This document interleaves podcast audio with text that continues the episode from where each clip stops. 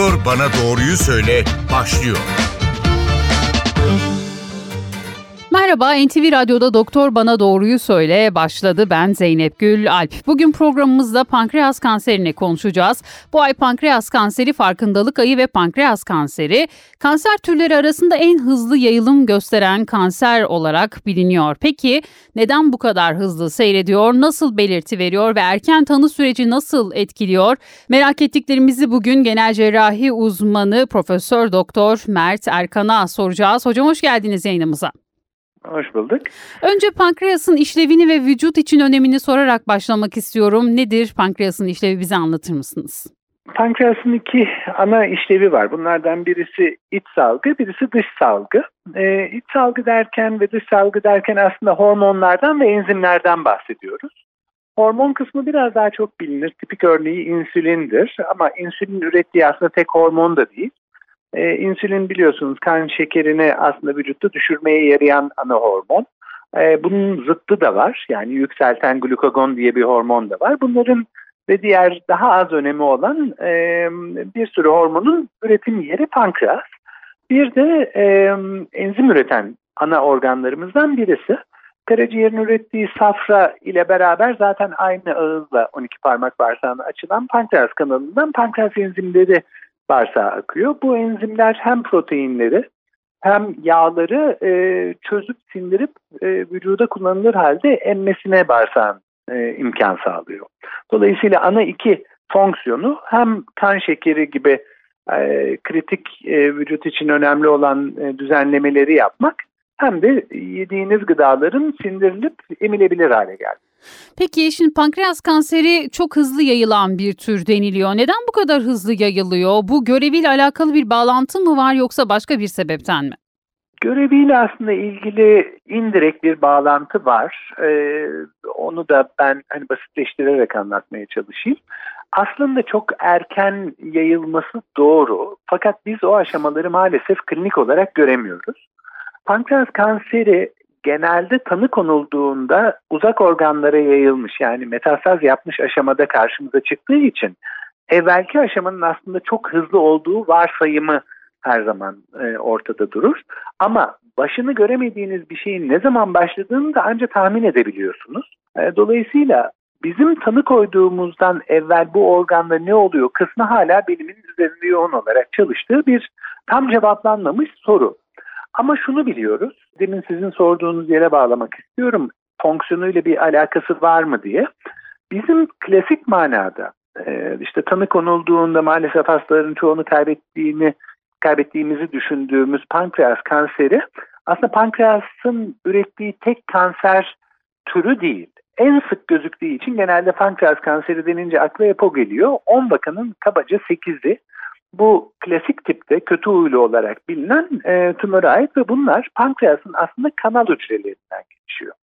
Kanal hücreleri pankreasın en yoğun bulunan hücreleri değil ama şöyle bir özelliği var. Kanalı, kanalın içinde bir tümör gelişip o kanalı tıkadığında sindirim enzimi üreten bir organda da e, akamayan enzimler kendi kendine zarar vermeye başlıyor. Dolayısıyla tümör daha çok küçük bir aşamadayken kanalını tıkayarak çevresinde inflamasyon dediğimiz bir yangı ortamı yaratıyor. Dolayısıyla daha boyu çok küçükken bile kan damarları ve lenf damarları gibi uzağa gidebileceği yolaklara bir şekilde çok çabuk ulaşıyor. Dolayısıyla erken aşamada yayılıyor olmasını e, bu şekilde izah ediyoruz ama bunun ne kadar erken olduğunu maalesef henüz bilmiyoruz. Bizim genelde çok erken yayıldı, uzağa gitti dememizin sebebi dediğim gibi ilk zamanlarının çok sinsi bir şekilde ilerlemesi ve e, tanı konulduğu aşamada maalesef e, ileri bir aşamada karşımıza çıkıyor gibi gözüküyor. Yani genellikle dördüncü evrede mi karşılaşılıyor hocam? Evet. Hı hı. Yaklaşık başvuran hastaların yarısında dördüncü evre dediğimiz uzak metastaz vardır. Bu grup hastalarda cerrahi gibi lokal bir tedaviyle başlamıyorsunuz. Kemoterapi ana tedavidir. Ama geri kalan %50'sinde e, oranlar son 10 yılda çok ciddi şekilde değişti. Bir cerrahi imkanımız var. Peki pankreas kendinde bir sorun olduğunu belli eder mi? Ya da bu kan testlerinde ortaya çıkar mı mesela? Nasıl anlaşılır? Ee, bir test yaptırmak istesek biz nelere baktırmamız gerek uzman hekimde? Çok e, aslında doğru bir soru e, ama cevapları maalesef çok iç açıcı değil. Pankreasın bu kadar e, sinsi olarak ilerleyebilmesinin ana sebebi spesifik bir semptomu olmaması. Yani bir tümör çıktığı zaman tamam hani şöyle bir belirti var, böyle bir bulgu var, bu pankreastandır dediğimiz maalesef hiçbir şey yok. E, müphem şikayetler var ki bunlar da sıklıkla diğer organ hastalıklarıyla birbirine karışıyor. Genelde bunlar böyle karın ağrısı, işte bele vuran karın ağrısı. Bunlar işte böbrek problemleriyle, omurga program problemleriyle karıştırılıyor.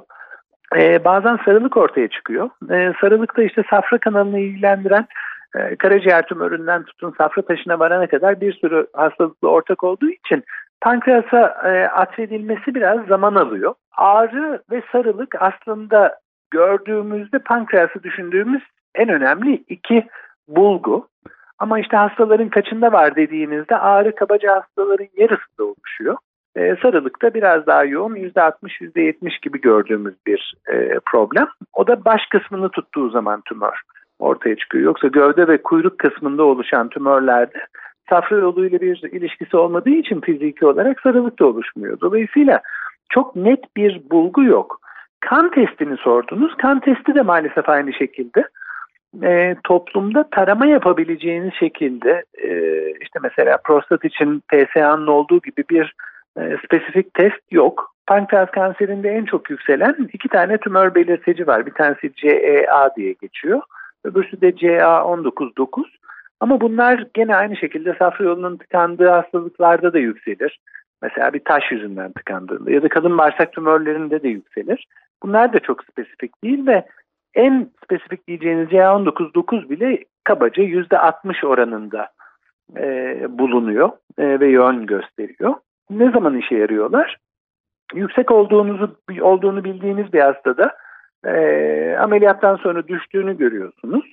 Sonra takipte yükselmesi tekrar hani bir nüks açısından e, yol göstericidir ama hani toplumda ben herkese bu testi yapayım, yüksek olanları arayayım bunların içinde pankreas kanseri bulur muyum diye baktığınızda maalesef e, çok verimli testler değiller. Peki hocam şimdi diyabet hastalığıyla bir bağlantısı var mı diye merak ediyoruz ya da diyabet tetikler mi? Kilosu fazla olanlarda mı daha sık görülüyor pankreas kanseri yoksa yüksek kilo bir risk midir ya da değil midir? E, diyabetle aslında yeni fark edilen çok güzel bir soru bu. E, bir ciddi ilişki var. Şöyle ki e, bir defa fonksiyonel olarak hani aynı organ kaynaklı olduğu için bizim henüz anlamadığımız seviyede e, mekanizmaların etkili olduğunu düşünüyoruz. Nasıl bir ilişki var? Şimdi normal popülasyona baktığınızda toplumda pankreas kanseri 10 bin kişide bir gözüküyor. Diyabet çok daha sık gözüken bir hastalık. Diyabet yaklaşık 5-6 bin insanda bir bulabildiğiniz bir hastalık. Diyabette genelde hasta kilo aldığında semptomlar ortaya çıkar ya da diyabetle birlikte kilo alımı da kolaylaşır. 50 yaş üzerindeki insanlarda son 6 ay içinde yeni tanı olarak diyabet hastalığı ortaya çıktığında bu insanlar kilo almıyor hatta ilaç kullanmadan kilo veriyor iseler o bir farklı alt grubu aslında tanımlıyor bize. Şöyle ki e, bu üç kriteri koyarsanız yani 50 yaşın üzerinde olacak birey son 6 ay içinde yeni hastalık olarak şeker tanısı almış olacak. Tip 1 ya da tip 2'nin hiçbir önemi yok bu noktada. E, ve ilaç kullanmadığı halde kilo kaybediyor olacak. Bu hastalarda pankreas kanseri bulma oranı 150'de 1'e yükseliyor. Yani yaklaşık 70 kat civarında bir yoğunlaşmış grubu tanımlıyorsunuz aslında bu üç kriterle. Dolayısıyla ne mekanizmayla pankreas kanseri şeker hastalığına sebep oluyor henüz araştırıyoruz ama çok muhtemelen tümörün salgıladığı bir takım küçük hormon seviyesinde ya da çevre dokuyu etkileyecek faktörlerle buna sebep oluyor olabilir. Bu teorilerden biri.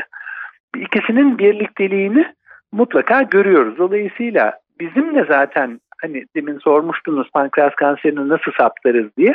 Aslında erken tanı metodumuz olmadığı için biz risk gruplarını tanımlamaya çalışıyoruz ve bu risk gruplarına daha yakından bakıyoruz.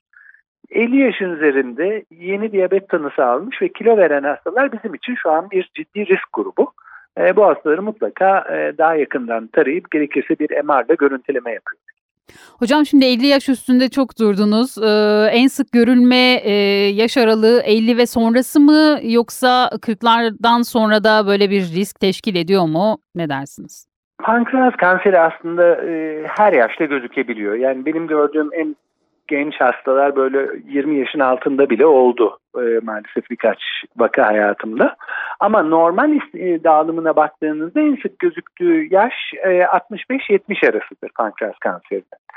E, 50 yaş üzerinde durmamın sebebi e, bu yaşta aslında pankreas kanseri çok beklenmiyor. Dolayısıyla insanların aklına da gelmiyor. Ama şeker hastalığı tanısı konulduğunda demin de söylediğim gibi kilo kaybı da varsa aklınıza gelmemesine rağmen düşünüyor olmamız gerekir. O yüzden onun üstünde o kadar durdum.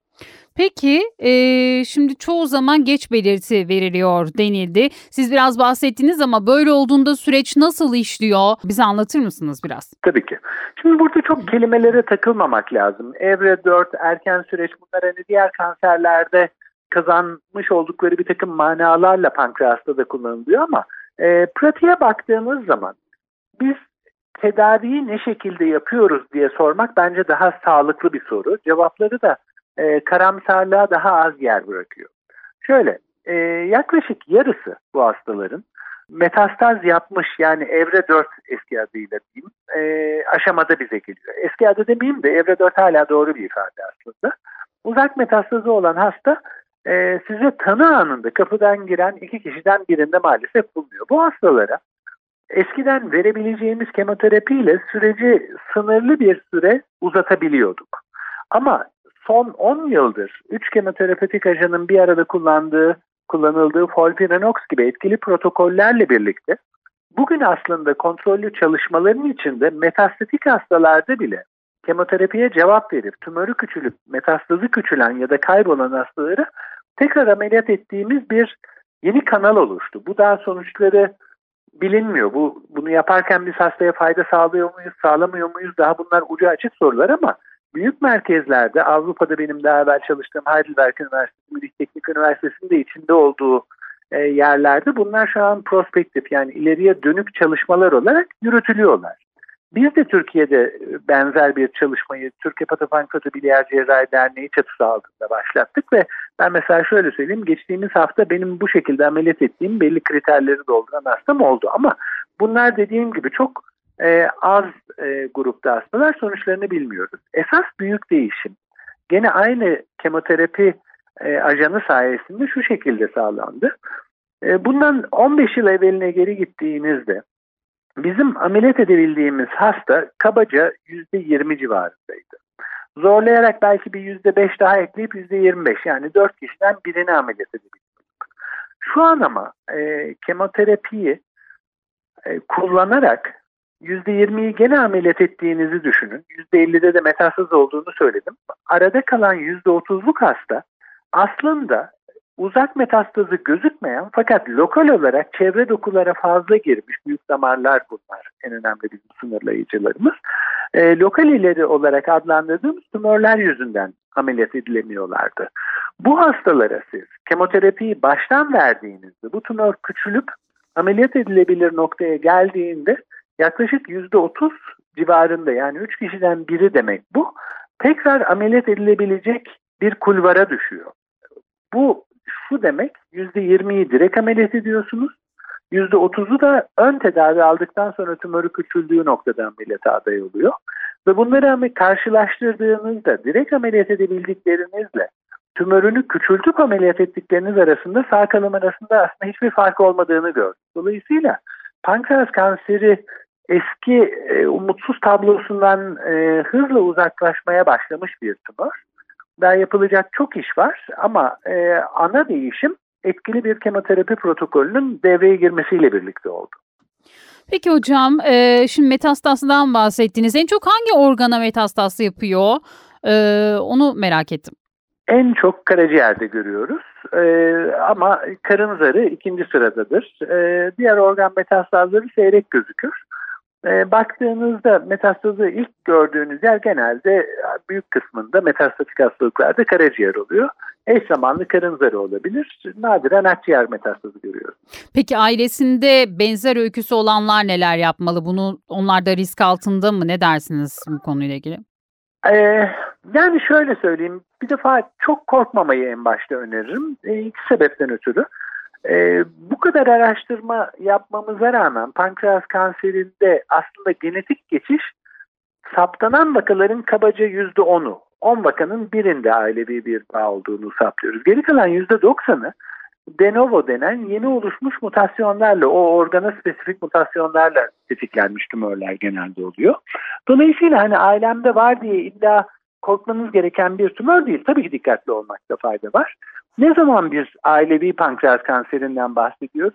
E, iki, işte birinci derece e, akraba içinde e, pankreas kanseri olması o zaman diğer bireyler için e, uyarıcı oluyor. Yoksa bir kişi de var diye hemen paniğe kapılmaya gerek yok. Ama ailenizde iki kişi kan bağı olan e, pankreas kanserine yakalanmışsa o zaman tabii ki e, bunları, e, bu hastaları, bu aileleri e, genetik olarak da taramak lazım. Bu taramaya hasta olan bireyden başlıyorsunuz. E, belli bilinen ailevi geçiş gösteren mutasyonlar o tümörde var mı diye bakıyorsunuz. Burada da aslında en sık gözükenler bu Angelina Jolie yüzünden meşhur oldu biliyorsunuz. Evet, BRCA evet. geni. E, bunlar sadece meme kanserinde değil, diğer kadın jinekolojik organları ama aynı zamanda hem birinde hem ikisinde BRCA 1 ve 2'den bahsediyorum. Pankreas kanseri sıklığını da artırıyor. E, onun dışında işte bir böyle e, malin melanomla birlikte olduğu bir takım hastalıklar vardır. Bunun gibi seyrek olan hastalıklar toplumda dediğim gibi olan pankreas kanserinin aslında sadece yüzde onu. Bu hastaları da hem genetik danışmanlık önermek lazım hem de biraz daha belki birey varsa ailede e, yakından takip edip radyolojik incelemeleri semptom yokken bile başlatmakta fayda olabilir.